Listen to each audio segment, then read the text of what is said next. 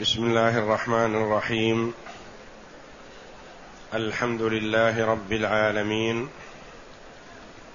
والصلاة والسلام على نبينا محمد وعلى آله وصحبه أجمعين. وبعد. أعوذ بالله من الشيطان الرجيم. إن الله يدافع أذن للذين يقاتلون بأنهم ظلموا وإن الله على نصرهم لقدير الذين أخرجوا من ديارهم بغير حق إلا إلا أن يقولوا ربنا الله ولولا دفع الله الناس بعضهم ببعض لهدمت صوامع لهدمت صوامع وبيع وصلوات ومساجد يذكر فيها ومساجد يذكر فيها اسم الله كثيرا. ولينصرن الله من ينصره. إن الله لقوي عزيز. يقول الله جل وعلا أذن للذين يقاتلون بأنهم ظلموا.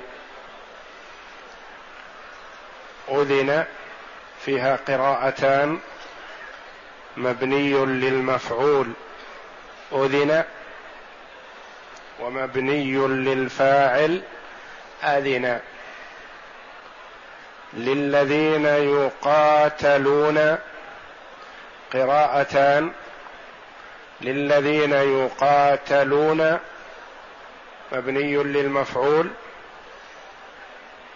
للذين يقاتلون مبنيا للفاعل. أذن أي أذن الله جل وعلا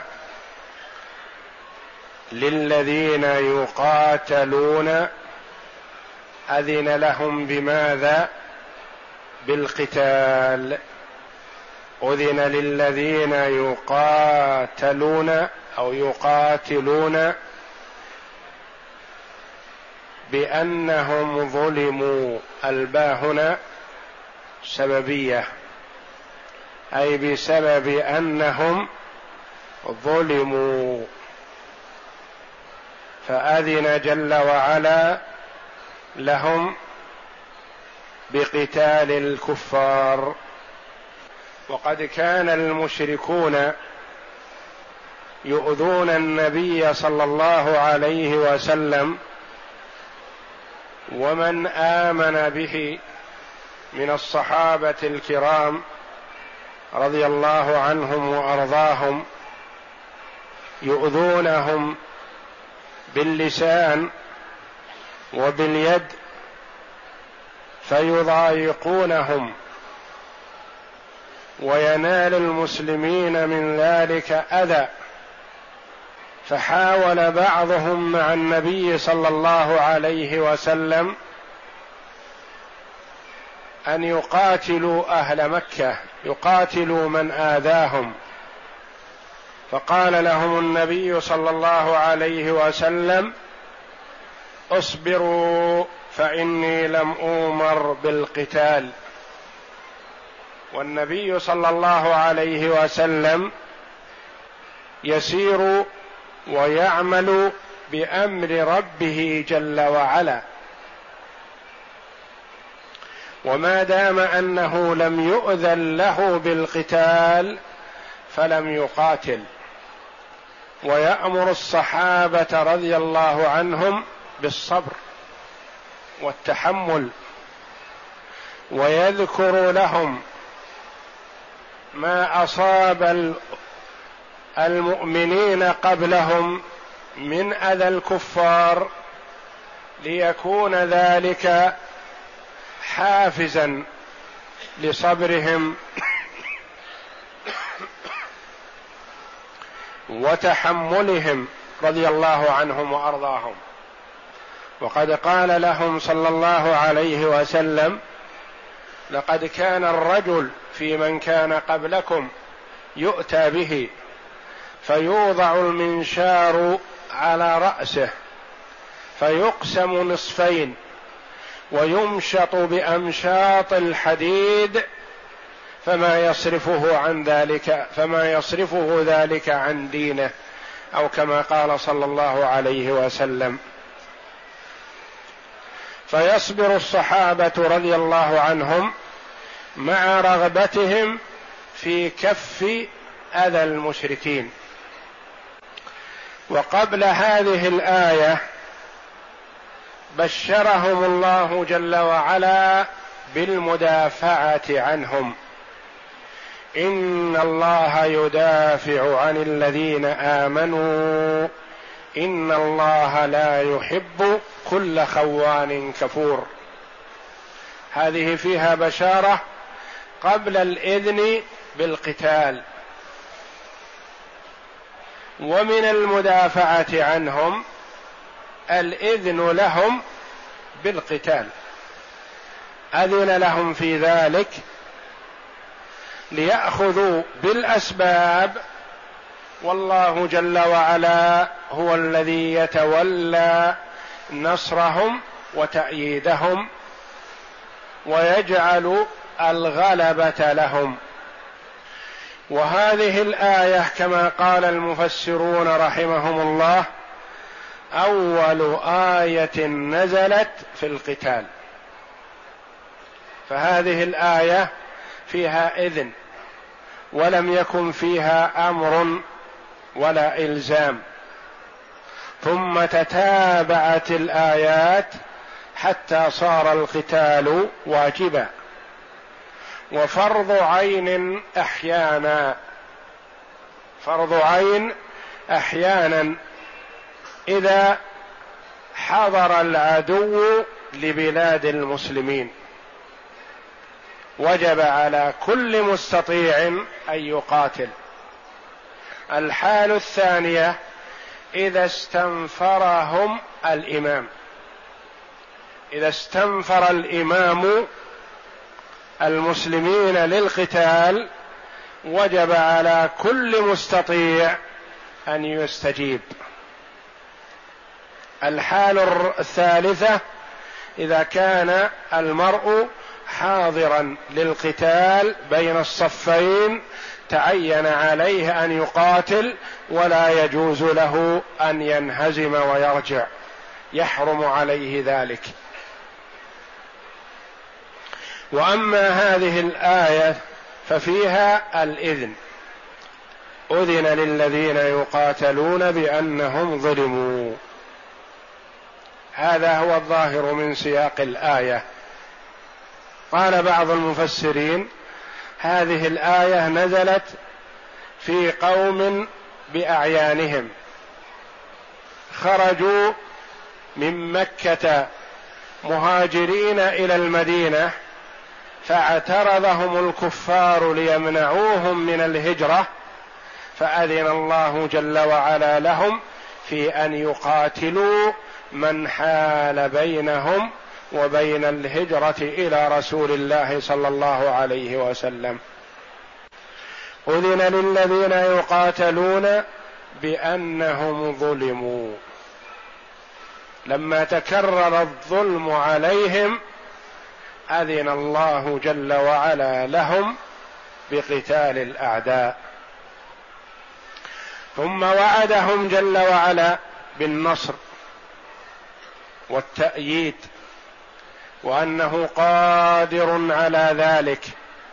وإن الله على نصرهم لقدير. وإن الله مؤكد بمؤكدات. إن المؤكدة واللام الداخلة على الخبر. وإن الله على نصرهم لقدير. اللام. فهو جل وعلا قادر ومن إرادته جل وعلا النصر لهم أذن لهم في القتال. ليفعلوا الأسباب والله جل وعلا يتولى تأييدهم ويجعل الغلبة لهم. وإن الله على نصرهم لقدير.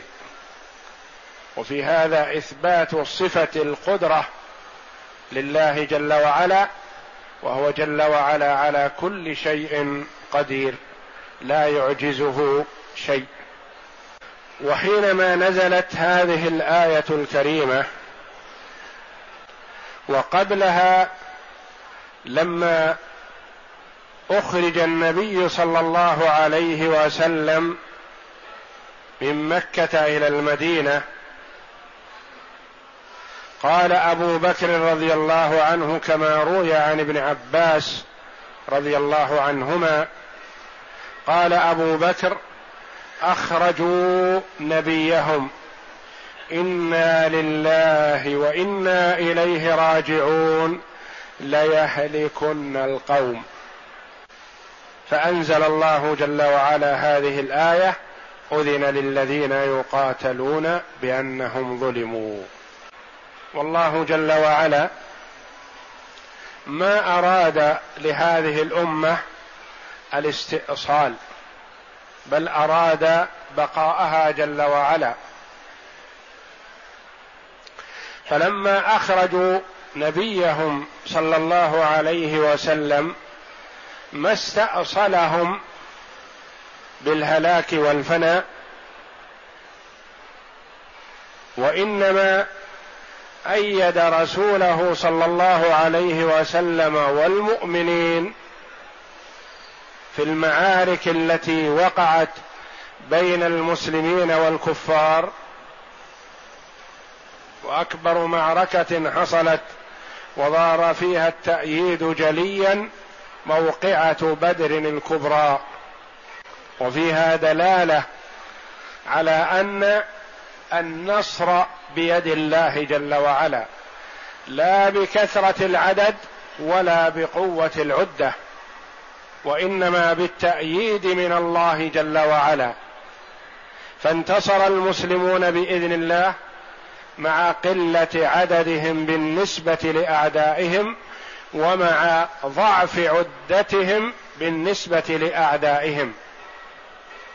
فكان التأييد من الله جل وعلا فقتل من صناديد قريش سبعون وأسر سبعون. منهم من أمر النبي صلى الله عليه وسلم بقتله فقتل ومنهم من من عليه النبي صلى الله عليه وسلم وتركه بلا شيء ومنهم من أخذ منه الفداء صلوات الله وسلامه عليه. وإن الله على نصرهم لقدير. من هم؟ وصفهم الله جل وعلا بقوله الذين أخرجوا من ديارهم بغير حق. المراد بالديار هنا مكة. لأنهم خرجوا منها بلا رغبة في الخروج ولكن فرارا بدينهم وتغييرا للبلد والمكان لطلب النصر من الله جل وعلا ثم بالتأييد من المؤمنين. فخرج النبي صلى الله عليه وسلم مهاجرا من مكة إلى المدينة ولما خرج من مكة التفت إليها وقال إنك لأحب البقاع إلى الله وأحب البقاع إلي ولولا أني أخرجت منك لما خرجت. وكذلك الصحابة رضوان الله عليهم مع محبتهم لمكة والإقامة فيها خرجوا فرارا بدينهم. فأيدهم الله جل وعلا وأعادهم إلى بلادهم فاتحين منتصرين بإذنه تعالى. الذين أخرجوا من ديارهم بغير حق بغير سبب موجب للإخراج لم يحصل منهم ما يستدعي الإخراج. اللهم إلا إيمانهم بالله. وهذا لا يستدعي الإخراج بغير حق إلا أن يقولوا ربنا الله. وحدوا الله جل وعلا أفردوه بالعبادة لم يلتفتوا إلى غيره ولم يصرفوا لغيره أي نوع من أنواع العبادة بل توجهوا إلى الله وحده فهذا ذنبهم الوحيد. وهو ذنبهم العظيم عند كفار قريش. إلا أن يقولوا ربنا الله. إلا أداة استثناء. ويرى سيبويه رحمه الله أن الاستثناء هنا منقطع على معنى قول لكن لقولهم ربنا الله. وقال الفراء والزجاج من أئمة اللغة الاستثناء متصل والتقدير الذين أخرجوا من ديارهم بغير حق إلا بأن يقولوا ربنا الله. قال هو على غرار قوله تعالى وما تنقمون منا إلا أن آمنا بآيات ربنا لما جاءتنا. وهذا الذي حصل منهم لا يستدعي الإخراج وهو مدح لهم بذلك. مدحوا بقولهم ربنا الله. وكثيرا ما يأتي المدح على صورة الذم في اللغة العربية. يأتي كأنه على صورة الذم وهو مدح.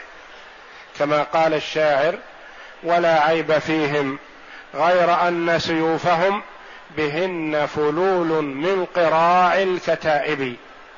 يقول لا عيب فيهم إلا الشجاعة وأن سيوفهم قد تثلمت من كثرة ضربهم الأعداء وقتالهم فهم شجعان. ولولا دفع الله الناس بعضهم ببعض. لولا دفع الله جل وعلا الكفار بالمؤمنين لفسدت الأرض. ولولا دفع الله الناس دفع الناس الكفار بعضهم بعض الناس الذي هم الكفار ببعض وهم المؤمنون. لهدمت صوامع وبيع وصلوات ومساجد يذكر فيها اسم الله كثيرا. ولولا دفع وقرئ ولولا دفاع. دفع الله ودفاع الله الناس بعضهم ببعض. بعضهم بدل بعض من كل الذي هو الناس. ببعض الذين هم المؤمنون. لولا كذا لحصل ماذا؟ لهدمت صوامع. هدمت فيها قراءتان. هدمت بالتشديد وهدمت بالتخفيف. لهدمت صوامع. هدمت بمعنى أزيلت من الوجود يصح هذا كما قال بعض المفسرين وقيل هدمت بمعنى عطلت من العبادة وتعطيل المساجد ومكان العبادة من العباد هدم لها. كما أن تهيئتها للعباد عمارة لها. كما قال الله جل وعلا إنما يعمر مساجد الله من آمن بالله. الآية. لهدمت صوامع. الصوامع جمع صومعة. والصومعة بناء محدب. أسفله عريض واسع وأعلاه دقيق. وهذه الصوامع كانت معابد لليهود أو معابد للرهبان النصارى. قيل هي التي تكون خارج البلد في البرية. ينفرد بها العابد يتعبد. ويبعد عن الناس. وقيل هي معابد للصابئين.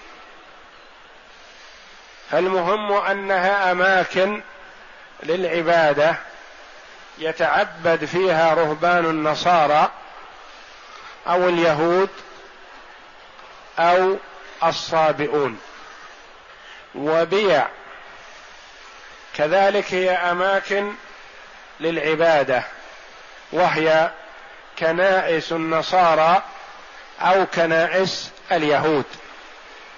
وصلوات أماكن للعبادة يصلي فيها اليهود أو النصارى. وأصلها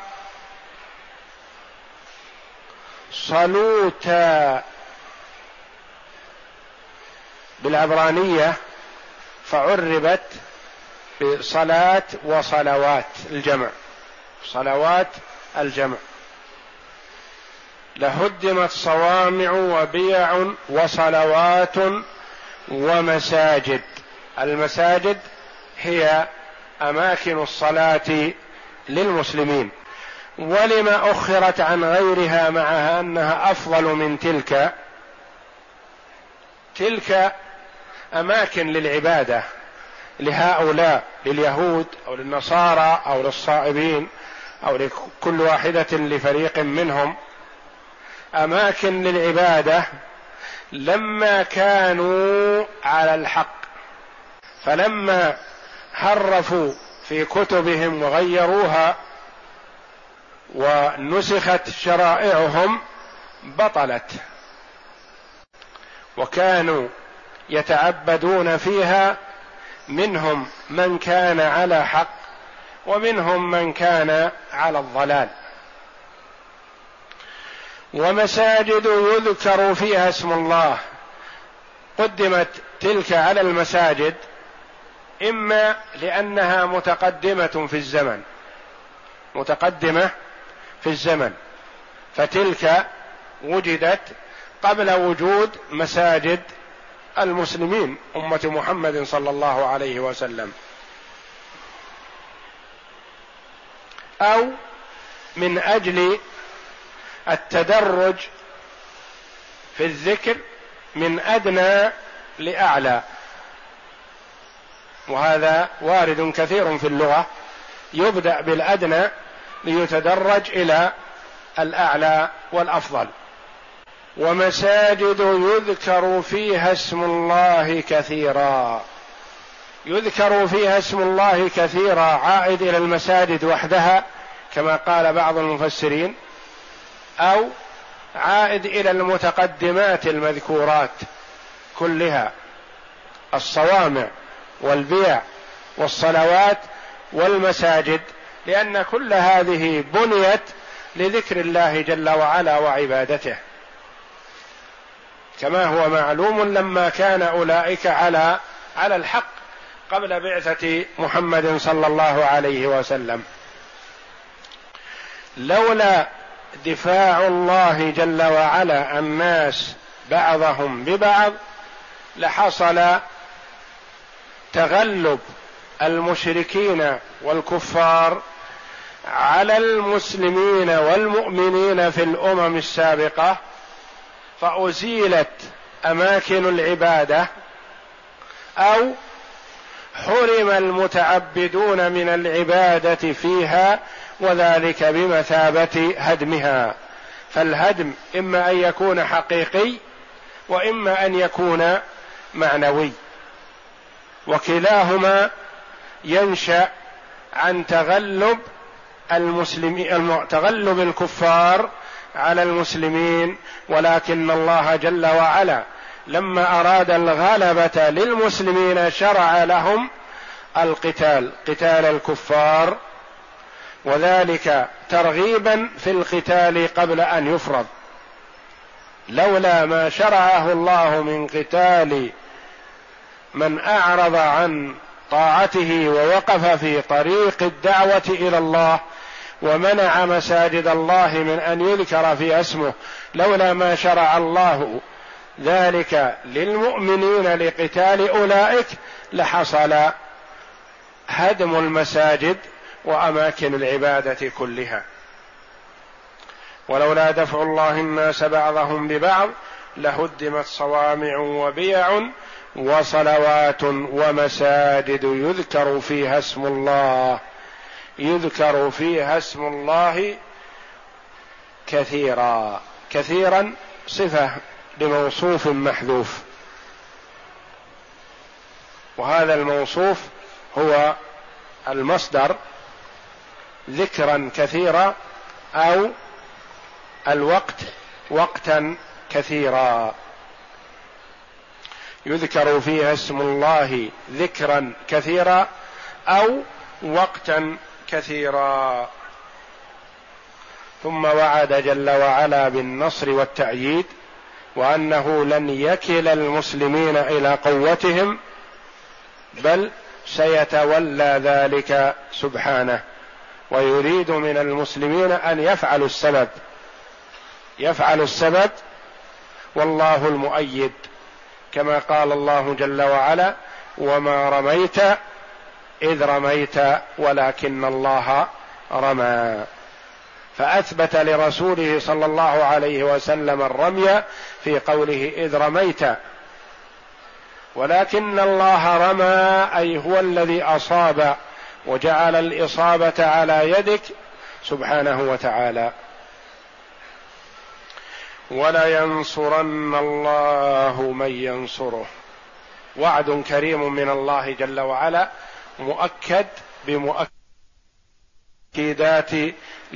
زياده في الإطمئنان وإقناع المؤمنين وإدخال السرور عليهم. ولا ينصرن الله من ينصره.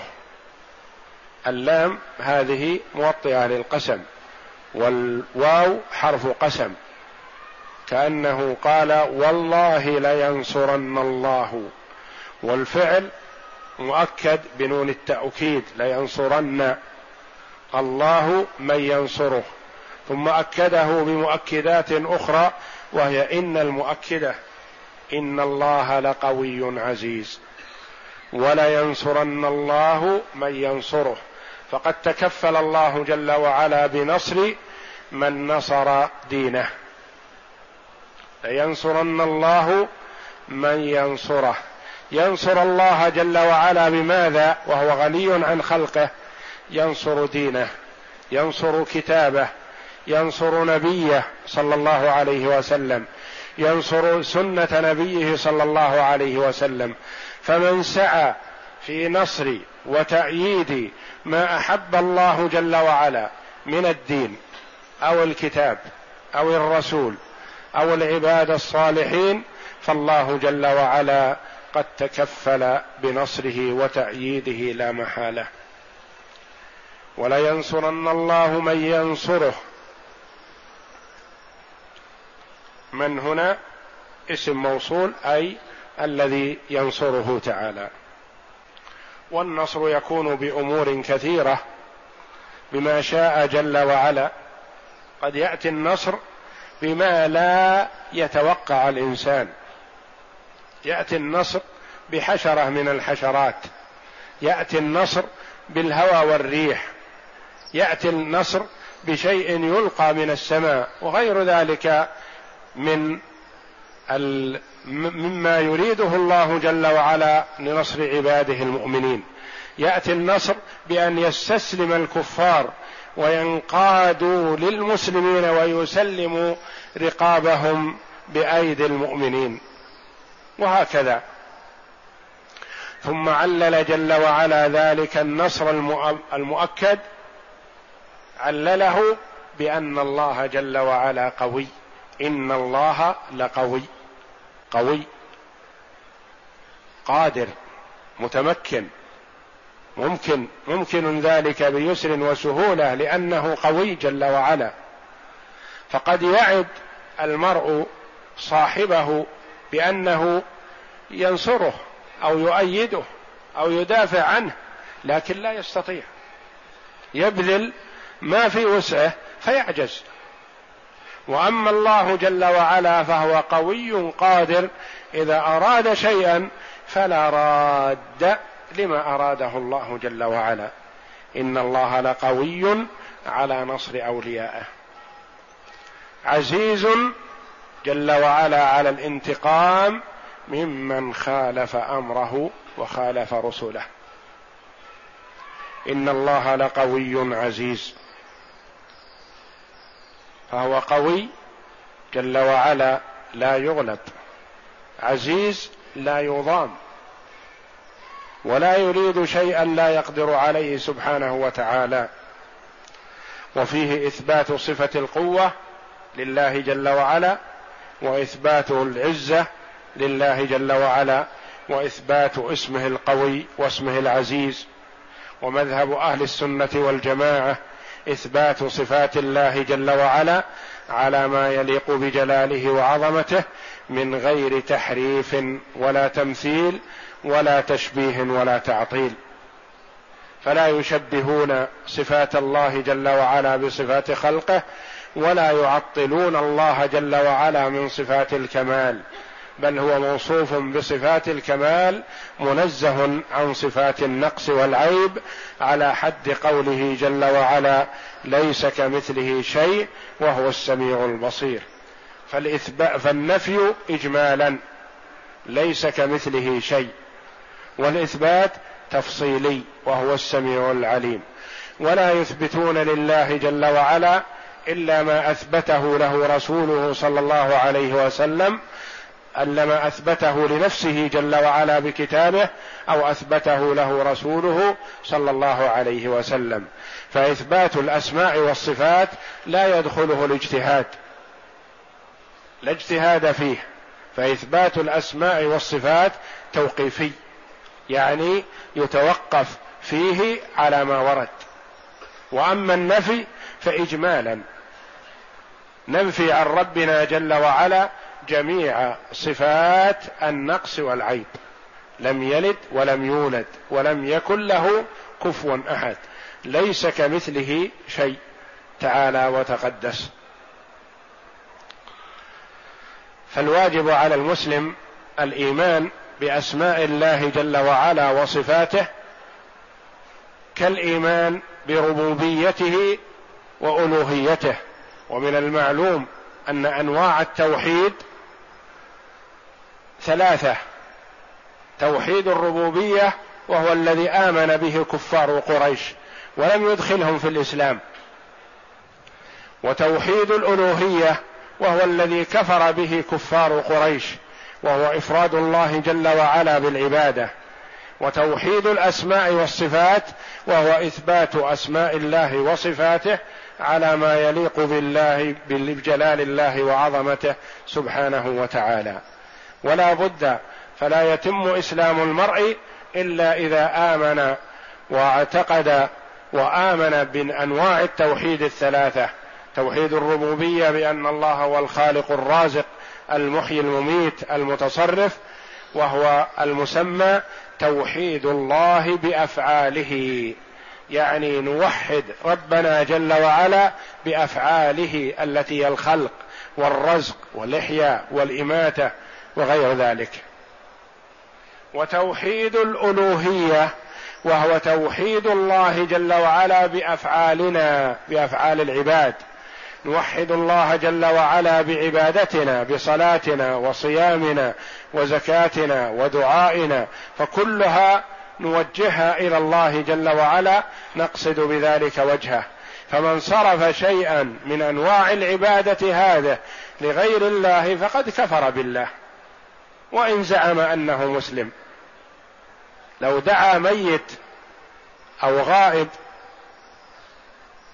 طلب منه أمرا من الأمور فقد كفر بالله لأن الميت والغائب لا يستطيع أن يفعل لك شيء. بخلاف ما إذا طلبت من شخص بين يديك تطلب منه المساعدة في أمر من الأمور التي يقدر عليها هذا لا بأس به لأنك تطلب من الإنسان أن يساعدك فيما يقدر عليه. لكن تأتي إلى ميت تطلب منه أمرا من الأمور هذا الشرك الأكبر المخرج من الملة. لأن الميت ميت. ما يستطيع أن يعمل لنفسه. لا شيئا ينفع ولا يدفع عن نفسه ما يضر. فكيف ينفع غيره؟ الثالث توحيد الأسماء والصفات وهو توحيد الله جل وعلا بأسمائه وصفاته. بأن لا يلحد المرء بأسماء الله وصفاته. والإلحاد فيها إما تعطيل الله جل وعلا منها أو تشبيهها بصفات المخلوقين تعالى وتقدس. وقد ظل في أسماء الله وصفاته طائفتا طائفتان منحرفتان عن الصراط المستقيم وهدى الله أهل السنة والجماعة للحق الوسط. فطائفة ظلت بالتشبيه شبهت الله جل وعلا بخلقه. وهذه غلت في الإثبات فشبهت فانحرفت عن الصراط المستقيم. وأخرى غلت في التنزيه فعطلت الله جل وعلا من أسمائه وصفاته. وهؤلاء ضلوا عن الصراط المستقيم بالتعطيل. وأهل السنة والجماعة أثبتوا إثباتا بلا تشبيه وتنزيها بلا تعطيل. والله أعلم. وصلى الله وسلم وبارك على عبد ورسول نبينا محمد وعلى آله وصحبه أجمعين.